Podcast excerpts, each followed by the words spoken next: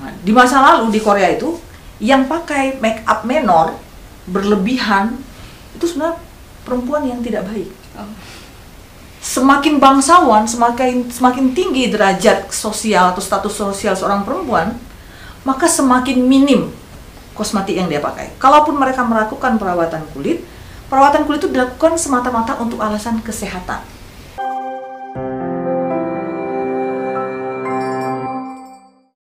Bismillahirrahmanirrahim. Assalamualaikum warahmatullahi wabarakatuh. Rabbi srohi sadri wa yassirli amri wahlul 'uqdatam min lisani yafqahu qawli amma ba'du. Bagaimana kabarnya para sahabat persada? Semoga selalu sehat, semoga sehat selalu dan semangat selalu dalam menjalani kegiatan sehari-hari. Nah, eh, kembali lagi bersama kami yaitu pada program Persada Talk UAD dan kita sekarang ditemani oleh Bu Mahni selaku dosen di Persada. Eh, tema yang sekarang kita eh, tema yang sekarang ini kita akan membahas tentang prinsip-prinsip bagaimana sih wanita itu berdandan.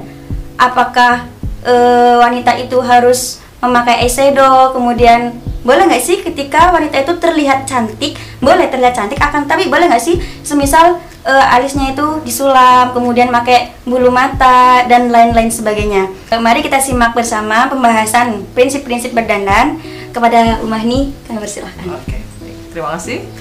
Assalamualaikum warahmatullahi wabarakatuh. Waalaikumsalam warahmatullahi wabarakatuh. Alhamdulillah wa syukur lillah Salatan wa salaman ala rasulillah La hawla wa la quwata illa billah Asyhadu an la ilaha illallah Wahdahu la syarikalah Wa asyhadu anna muhammadan abduhu wa rasuluh Amma ba'd. Uh, Ananda, sahabat persada yang ibu sayangi Kita bertemu kembali pada kajian uh, Persada Talk Nah hari ini kita akan membahas tentang uh, Prinsip-prinsip berdandan uh, dalam Islam. Bagaimana aturan-aturan Islam terkait dengan uh, muslimah yang ingin mempercantik dirinya. Sebelum kita uh, lebih detail membahas itu, ibu perlu sampaikan satu hal terkait dengan pandangan umum ya. Jadi di dalam Islam itu tidak ada aturan-aturan itu tidak terlalu detail, tapi kita perlu pahami ada beberapa prinsip yang uh, kita harus kedepankan dalam hal berdandan, ya. Uh, yang pertama kita perlu lihat bagaimana sebenarnya Islam memandang menghias diri itu seperti apa. Jadi sebenarnya Islam itu membolehkan bahkan menganjurkan uh, umatnya termasuk muslimah untuk menghias diri mereka. Ini misalnya terdapat dalam surah Al-A'raf ayat 31. Allah berfirman, Ya bani Adama, khuzu zinatakum inda kulli masjid. Wahai anak Adam, hiaslah diri kalian, pakailah perhiasan kalian pada saat kalian ke masjid atau ke tempat sujud. Nah, jadi Allah memerintahkan umat Islam dalam hal ini untuk menghias diri mereka sebaik mungkin, terutama ketika mau ke masjid. Itu sama dengan begini memahaminya. Ke masjid diperintahkan, dalam kehidupan sehari-hari juga sama. Jadi jangan sampai terbalik ya. Di kehidupan hari-harinya dandan pas mau ke masjid nggak dandan misalnya gitu ya. Atau nggak menghias dirinya gitu ya. Jadi terutama kalau ke masjid. Jadi dalam kehidupan sehari-hari dalam kegiatan sehari-hari kita menghias diri apalagi ketika kita mau beribadah. Ya, kalau kita lihat bahwa berkegiatan sehari-hari itu juga menjadi bagian dari ibadah maka menghias itu menjadi sebuah uh, tuntutan gitu ya. Jadi seperti itu. Ya tidak ada larangan. Silakan uh, mempercantik diri silakan sebagai bentuk rasa syukur merawat apa yang sudah Allah berikan itu. Cuma yang jadi persoalan sekarang itu uh, fenomena muslimah berdandan itu cenderung apa mulai uh, bergeser dari ketentuan-ketentuan yang uh, dibenarkan dalam Islam. Ya, jadi kita lihat sekarang banyak ya uh, di antara yang mendukung atau yang memicu maraknya usaha-usaha tersebut adalah misalnya industri kosmetik, ya, gaya hidup. Wah, sekarang pabrik kosmetik itu di mana-mana ada. Ya. Mulai dari yang paling bagus sampai yang paling KW ada. Kemudian uh, gaya hidup diper apa ya, didukung lagi oleh keberadaan media sosial. Kita bisa lihat fenomenanya tuh, tutorial make up. Nah, ini mungkin Anda juga termasuk salah satu pengikut setia vlog tutorial make up tertentu gitu ya. Kemudian apalagi uh, ada mungkin ada juga di antara Anda yang menjadi beauty influencer. Nah, jadi menjadi uh, apa ya? Bukan model dia, dia malah menjadi trendsetter. Wah, jadi trend motif apa gitu ya kita bisa lihat. Coba lihat sekarang itu di media sosial. Nah, Ibu tahu juga walaupun nggak pakai tapi mengikuti lah untuk kepentingan pengajian ini ya. Macam-macam alis buat alis. Alis mulai dari yang lurus seperti pedang sampai yang bergelombang. Nah, jadi untuk alis saja ya, macam-macam itu ya. Jadi mereka menghabiskan waktu untuk menghias diri mereka sedemikian rupa. Nah ini yang jadi persoalan. Jadi tidak salah dalam menghias diri, cuma menghias diri yang bagaimana yang harusnya dilaksanakan atau yang dikerjakan sehingga itu tidak menyalahi syariat. Baik di sini ibu akan bahas beberapa saja. Jadi ada beberapa prinsip dalam berhias yang harus diperhatikan oleh muslimah agar berhiasnya itu menjadi bagian dari ibadah, tidak menjadi bagian dari maksiat. Oke. Yang pertama, ketika berhias, ya, jadikan berhias itu sebagai bagian dari ibadah jadi niat, niat itu karena Allah, bukan karena ingin apa ya dipuji orang, kan itu jadi keria. Apalagi sampai diniatkan untuk menarik perhatian laki-laki. Nah, ini jangan sampai. Jadi niat karena Allah, karena memang berhias itu perintah Allah, maka kita harus berhias. Jangan uh, memperlihatkan diri kita sebagai orang uh, terlantar gitu, teraniaya. Ini kok nggak merawat dirinya? Oh, ini bagian dari sunnah. Enggak ada. Disuruh uh, apa, berhias kita itu. Tapi tadi pertama jangan eh, berniat karena Allah jadi kenapa saya harus berhias karena berhias itu adalah bagian dari ibadah perintah Allah dan Rasulnya yang kedua ketika kita mengenakan kosmetik pilihan kosmetik itu harus halal dan toyib nah, jadi bukan hanya makanan ya jadi bisa dilihat dalam surah uh, Al-Maidah ayat 88 jadi kita diperintahkan untuk makan makanan yang halal. Tapi dalam konteks ini halal itu tidak hanya terbatas pada makanan saja. Sebagai muslimah, kita harus perlu aware, peduli dengan kehalalan kosmetik yang kita pakai. Karena sekarang banyak sekali karena produsen kosmetik itu sebagian besar bukan dari negara muslim.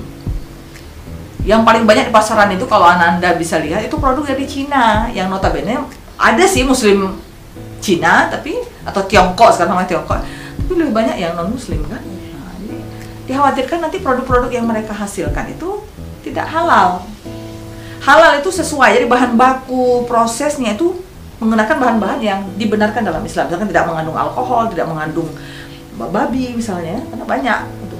bahkan sekarang apa brush alis saja itu dari atau untuk blush on itu juga dari bulu babi. Jangan sampai dipakai lah. Yang kedua taib. Taib itu apa? Uh, tidak membahayakan. Jadi menurut misalkan ilmu kesehatan, jadi bahan baku yang dipakai dalam bahan kosmetik itu tidak membahayakan kulit, misalnya tidak mengandung hidrokinon lebih dari 2%. Itu kan ada tolak ukurnya ya. Nah, jadi gampang sekarang ini mau tahu apakah label apa eh, kosmetik kita halal, lihat aja labelnya. Jadi pas beli kosmetik lihat ada label halal nggak. Yang selama ini mungkin masih terbatas pada makanan, sekarang kita sudah harus naikkan tarafnya itu tidak hanya ke di makanan tapi juga di kosmetik. Baik, yang ketiga, yang kita pakai itu tidak boleh membahayakan. Tadi bagian dari toyib, tapi ini lebih spesifik, spesifik ya. Kenapa? Karena sekarang ini banyak sekali uh, penggunaan kosmetik itu yang atau alat-alat yang digunakan untuk berhias itu yang bisa membahayakan tubuh. Misalnya krim pemutih, ini yang paling sering ini. Jadi kenapa itu ya? Karena iklan kecantikan itu kadang-kadang sangat di apa ya didikte oleh iklan coba lihat kok siapa yang dianggap cantik ya, berdasarkan iklan iklan itu yang bilang cantik itu putih ramping gitu. Itu jadi standar cantik jadi semua rata-rata orang ingin putih.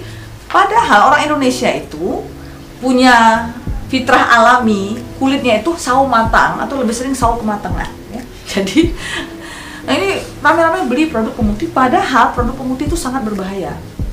Bisa memicu munculnya kanker kulit. Kalau memang bahannya tidak aman. Ya, sekarang maaf ya rata-rata kan beli yang penting murah. Murah padahal nggak aman jangan membahayakan ya. Wah, karena Allah berfirman wala tulqu bi aidikum ila tahluka. Jangan dorong diri kalian sendiri ke dalam kehancuran kebinasaan. Itu. yang keempat pada saat mengenakan eh, kosmetik tidak berlebihan ya. Itu di kulu washrabu wala tusrifu. Lagi-lagi di makanan. Makan dan minumlah tapi jangan berlebihan. Ya Allah la yuhibbul musrifin. Allah tidak menyukai yang berlebihan ya berlebihan itu di mana? Ya tadi maaf. Pakai pemerah. Ya mungkin sempat ada tren ya. Semuanya merah. Di bawah mata ini merah. Jadi maaf seperti habis direbus ya. Kan ada bilang kayak kepiting rebus apa udang rebus merah semua. Sampai di bawah mata ini. Jadi lipstick semuanya dipakai. Di bibir di pipi di mata semuanya. Jadi merah. Nah kalau ada satu prinsip. Bahkan desainer apa? Ah, bukan desainer maaf. Eh, perias wajah itu mengatakan ini ada satu prinsip ya. Less is best. Semakin sederhana makeup itu semakin bagus sebenarnya. Nah tapi kecenderungannya malah berlebihan. Pakai lipstick satu kilo udah kelihatan. Oh. Ya, pakai parfum orangnya sudah pergi tiga hari yang lalu baunya masih ketinggalan. Nah, misalnya sih kayak gitu tuh. Jadi sangat berlebihan dalam jadi satu hal ya perlu dipahami. Jadi ketika bermakeup ini kadang-kadang yang atau berdandan ini yang berdandan itu yang hobi terutama gitu ya perlu baca buku juga. Kenapa? Biar tahu sejarah kosmetik itu seperti apa. Terkait dengan berlebihan ini. Jadi sebenarnya orang-orang yang suka memakai kosmetik berlebihan itu sebenarnya lupa sejarah. Itu tidak pernah baca sejarah kosmetik. Kemarin ada sebuah program TV yang ibu tonton itu bagus. Misal di masa lalu nih yang paling sering kan sekarang sangat ini sama Korea ya orientasinya sekarang apa pun mulai musik film kosmetik semuanya Korea oriented kebetulan kemarin tuh programnya itu tentang bagaimana budaya kosmetik. Kenapa kosmetik Korea itu sekarang mendunia itu? Cerita sejarahnya. Ternyata di Korea itu orang-orang yang pakai coba lihat sekarang bintang film Korea itu kan pakai make up tapi seperti tidak pakai make up. Iya. kenapa? Karena memang standar mereka itu semakin sedikit semakin tipis make up itu semakin baik. Nah, di masa lalu di Korea itu yang pakai make up menor berlebihan itu sebenarnya perempuan yang tidak baik. Semakin bangsawan, semakin semakin tinggi derajat sosial atau status sosial seorang perempuan, maka semakin minim kosmetik yang dia pakai. Kalaupun mereka melakukan perawatan kulit, perawatan kulit itu dilakukan semata-mata untuk alasan kesehatan. Oh, jadi itu sampai dicobakan itu apa saja produk kosmetik yang dipakai para mereka tidak pakai pemerah itu enggak itu hanya digunakan oleh maaf ya wanita-wanita penghibur semakin bangsawan semakin tinggi derajat seorang perempuan maka dia semakin minimalis dalam menggunakan make up. Nah, jadi jangan sampai salah ini ya. Dan bisa dilihat lah dilacak di eh, sejarah kosmetik di masa lalu itu. Ya, rata-rata yang pakai coba lihat di Jepang juga. Itu geisha namanya. Itu make upnya kan luar biasa minornya. Karena mereka harus menarik perhatian. Nah, jadi jangan sampai kita disalahpahami gara-gara salah milih make up tadi. Jadi pakai sesederhana mungkin gitu ya. Yang berikutnya kita perlu ya, sampaikan juga bahwa dalam bermake up ini jangan berlebihan dari sisi mengkoleksi. Nah, ini semua eh, dibeli ya. Berlebihan dalam penggunaan dana pembelian kosmetik berlebihan dalam waktu mengaplikasikan kosmetik itu untuk beli make up ini itu masuk salon untuk satu bulan ibu tanya tuh ya terus terang aja nih ada mahasiswa ibu yang ibu tegur gara-gara pakai eh, bulu mata. Jadi dia sulam bulu mata apa tuh ya? Apa namanya sekarang istilahnya tuh? Eh, penting bulu matanya disambung. Nah, satu minggu tahannya harganya 250.000 ribu. Hanya bisa bertahan satu minggu biayanya 250 kan kenapa tidak menggunakan uang itu untuk yang lebih penting? Untuk infak beli buku misalkan ya. Beli kuota untuk belajar nah, itu jauh lebih bermanfaat karena begini ya anda semua kecantikan itu sesuatu yang sifatnya eh, tidak bertahan. Umur gitu ya itu akan secara perlahan menghilangkan kecantikan fisik itu. Jadi untuk apa kita terlalu berorientasi terlalu terobsesi dengan punya eh, fisik yang apa ya uh luar biasa sampai tua gitu. Bukankah jauh lebih penting kalau yang kita pertahankan itu kecantikan yang lain yang lebih abadi jadi selalu merawat diri tapi lupa merawat hati. Wajah aja yang dirawat tapi hati nggak dirawat. Gitu. Jadi tidak berlebihan. Menghabiskan waktu untuk makeup. Jadi untuk tutorial makeup. Itu rata-rata makeup sudah bisa jadi all out itu ya. Mulai dari kompres segala macam bisa satu jam lebih wah kalau mungkin yang profesional cepat lah. Tapi kalau yang masih masih amatir bisa satu jam. Untuk dandan habis satu jam. Untuk ngaji nggak ada waktu. Jadi harus seimbang jangan sampai waktu habis untuk hal-hal yang tidak bermanfaat. Nah dalam sebuah hadis min husni islamil mar'i tarkuhu ma la semakin kesempurna Islam seseorang maka dia semakin meninggalkan hal-hal yang tidak bermanfaat. Seperti itu. Jadi dalam hal ini perlu ada edukasi ya untuk mungkin untuk produsen kosmetik untuk pelanggan atau pengguna kosmetik juga. Mana yang uh, baik untuk dirinya mana yang berbahaya mana yang penting untuk dirinya dalam berdandan mana yang tidak penting mungkin itu mbak Uh, ini Bu ada dua pertanyaan ya dari hmm. saya sendiri dan teman saya. Uh, yang pertama itu pertanyaannya adalah uh, bagaimana sih cara memilih make up yang baik karena tadi kan Ibu bilangnya kan yang toyib kayak gitu kan. Hmm. Tapi ada juga uh, dia itu kosmetiknya udah baik akan tetapi uh, kalau kosmetik yang baik itu kan harus ngetes hewan kayak gitu kan. Hmm. Padahal itu kan posisinya kan menyiksa hewan tersebut. Nah, itu gimana? Itu yang pertama. Kemudian yang kedua itu uh, wanita kan memang ingin terlihat cantik kan uh, sama siapa pun kayak gitu misalnya tapi kan untuk ibadah uh, tapi ada juga karena pengen terlihat cantik di depan lelaki hmm. dia itu sampai nyedot lemak ya maksudnya jadi tembem bingung jadi nah itu berani beraninya nyedot lemak biar kelihatan tirus dan cantik kayak gitu itu gimana bu? Oke, baik. Untuk yang pertama memang uh, produk kosmetik itu dibuat dengan proses tertentu ya jadi sebenarnya percobaan terhadap hewan tidak jadi masalah selama itu memenuhi kode etik. Jadi dalam uh, ilmu itu ada kode etik uh, penelitian. Jadi ayo selama itu lolos nggak ada masalah. Mencobakan itu ke hewan bukan menyiksa.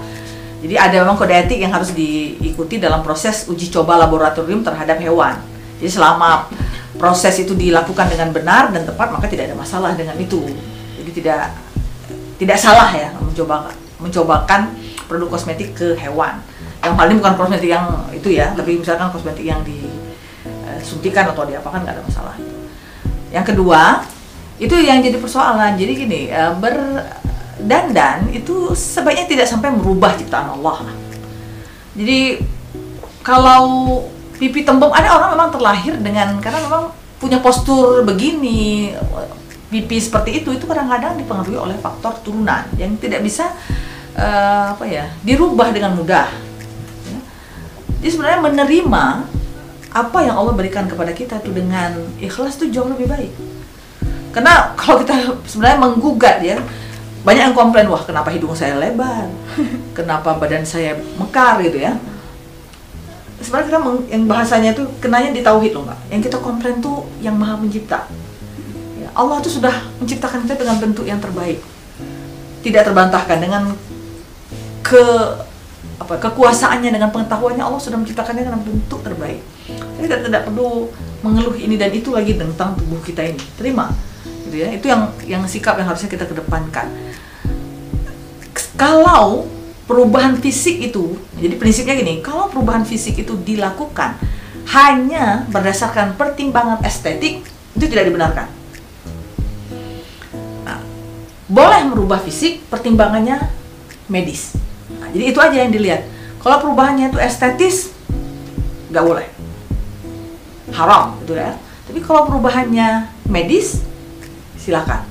Bahkan kadang-kadang diwajibkan gitu. Orang yang mengalami luka bakar dia harus rubah supaya anaknya tidak shock melihat ibunya gitu ya. Dirubah, di operasi plastik silakan. Tapi ini sudah bagus.